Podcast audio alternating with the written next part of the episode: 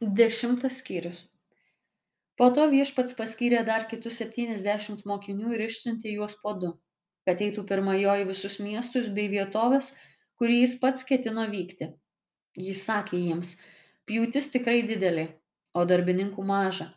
Todėl melskite pjūties viešpatį, kad atsiųstų darbininkų į savo pjūtį. Eikite, štai aš siunčiu jūs lyg avinėlius tarp vilkų.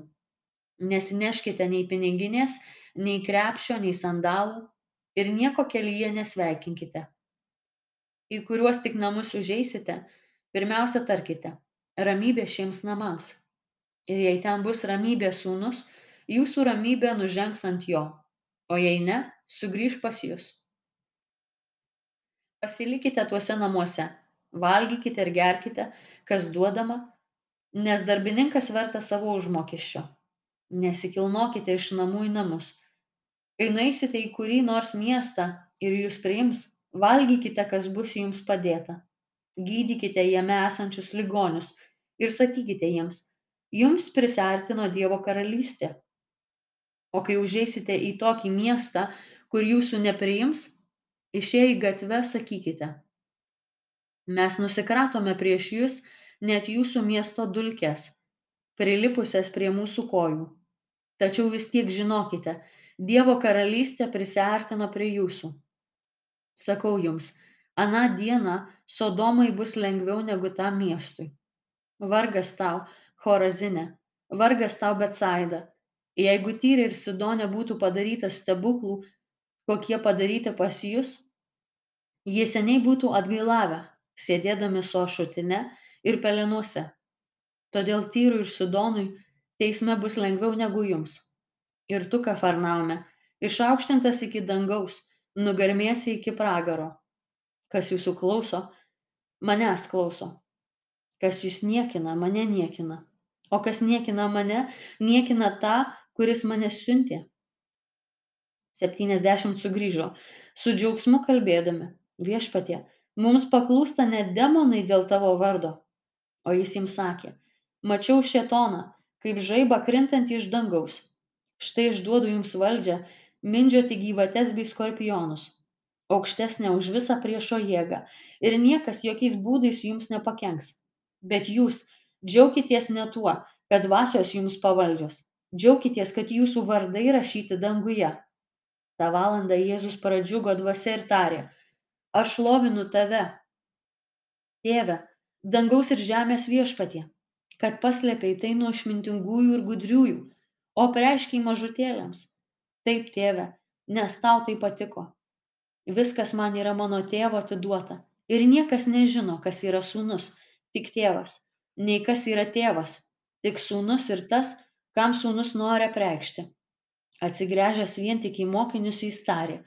Palaimintos akys kurios regi ką jūs regite. Sakau jums daugel pranašų ir karalių troško pamatyti ką jūs matote bet nepamatė ir išgirsti, ką jūs girdite, bet neišgirdo. Štai atsistojo vienas įstatymo mokytojas ir mėgindamas į jį paklausė, mokytojų, ką turiu daryti, kad paveldėčiau amžiną į gyvenimą? Jis tarė, o kas parašyta įstatymą, kaip skaitai?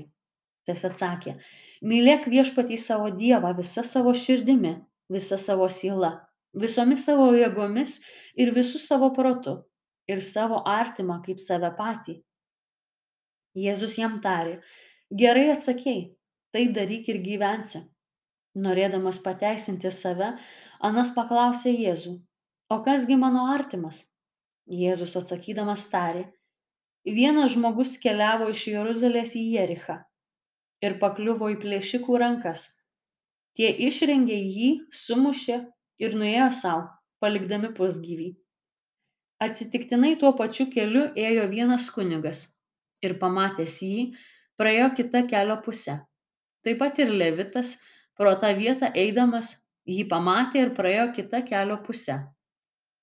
O vienas samarietis keliaudamas užtiko jį ir pasigailėjo.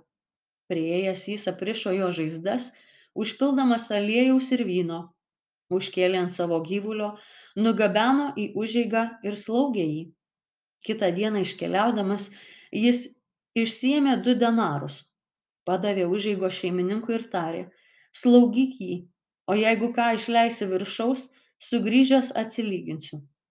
Kas iš šitų trijų tau atrodo buvęs artimas patekusiam į plėšikų rankas? Jis atsakė tas kuris jo pasigailėjo. Jėzus jam tarė eik ir tu taip daryk. Jiems keliaujant toliau jėzus užsuko į vieną kaimą. Ten viena moteris vardu morta pakvietė jį į savo namus. Ji turėjo seserį vardu marija. Ši atsisėdusi prie viešpaties kojų klausėsi jo žodžių o morta rūpinosi visokiu patarnavimu ir stabtelėjusi pasiskundė viešpatie tau nerūpi kad sesuo palieka mane vieną patarnauti. Pasakyk jai kad man padėtų. Tačiau viešpats atsakė morta morta tu rūpiniesi ir nerimauji dėl daugelio dalykų o tereikia vieno. Marija išsirinko geriausiąją dalį kuri nebus iš jos atimta